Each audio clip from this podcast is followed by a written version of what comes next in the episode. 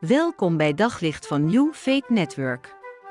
Luister elke dag naar een korte overdenking met inspiratie, bemoediging en wijsheid uit de Bijbel en laat Gods woord jouw hart en gedachten verlichten.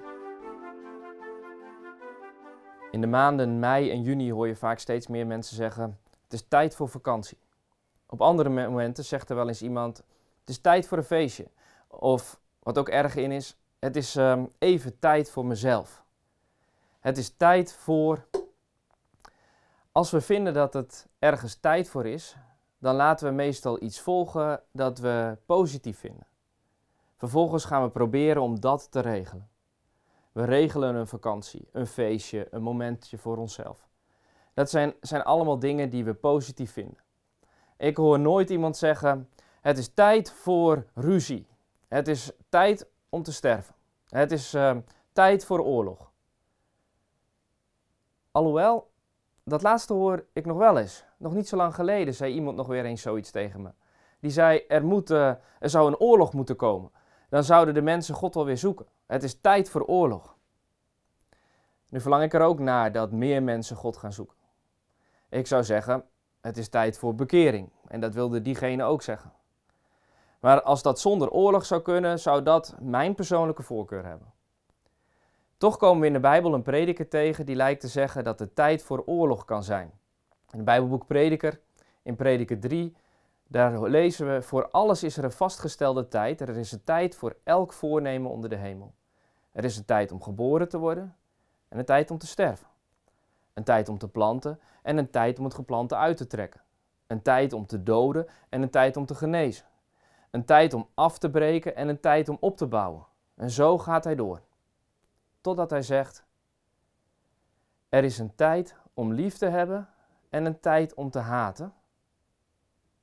Een tijd van oorlog en een tijd van vrede. Voor, voor alles is een tijd, ook voor, voor oorlog. Een rare tekst. En toch is deze tekst heel populair geworden. Veel babyboomers die kunnen deze tekst zelfs in het Engels uit hun hoofd. Bewust of onbewust hebben ze deze tekst geleerd door de uitvoering van het nummer Turn, Turn, Turn van de Amerikaanse jaren 60 folk eh, rockgroep The Birds. Zoek het maar eens op. En laat het een babyboomer eens horen, speel het af en kijk of er herkenning is. Het is letterlijk het begin van Prediker 3, de tekst van dat nummer.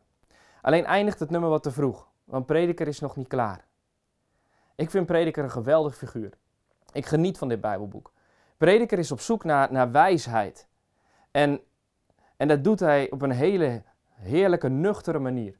Hij kijkt om zich heen en, en hij constateert wat hij allemaal ziet. En zo constateert hij dat tijden elkaar opvolgen. Nu is er weer dit en dan is er weer dat. En hij geeft er helemaal geen waardeoordeel over, hij constateert. Prediker roept dus niet op tot haat of oorlog. Hij constateert alleen maar dat er tijden zijn waarin er vrede is en dat er tijden zijn van oorlog, niet meer en niet minder dan dat. Dingen komen en dingen gaan.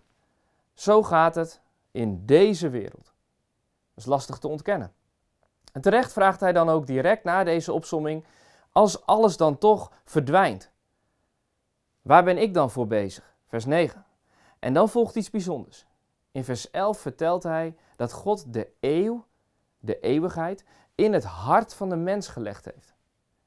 Het hart, dat is in de Bijbel de regiekamer van je leven. Dat is de vergaderruimte waar een tafel staat waaraan alle plannen gemaakt worden. Waar je beslissingen genomen worden. En van waaruit je je daden aanstuurt. En prediker zegt, God heeft de eeuwigheid in het hart gelegd. En wat bedoelt hij daarmee? Hij bedoelt dat God de mens, jij en ik, zo gemaakt heeft dat wij niet alleen maar bezig zijn met vandaag, maar dat wij ook daar in ons hart vergaderen over het verleden en over de toekomst en onszelf afvragen: wat is er nou blijvend? Alles rolt maar door, turn, turn, turn. Maar wat is blijvend? Wat is blijvend? Gods handelen. En Prediker zegt in vers 14: Ik weet dat alles wat God doet voor eeuwig blijft. Weet jij dat ook? Wat God doet is blijvend. Wat betekent het voor jou vandaag dat Jezus hangend aan het kruis gezegd heeft: Het is volbracht? Op zoek naar nog meer geloof, hoop en liefde. Op New Faith Network vind je honderden christelijke films, series en programma's. Nog geen lid? Probeer het 14 dagen gratis op newfaithnetwork.nl.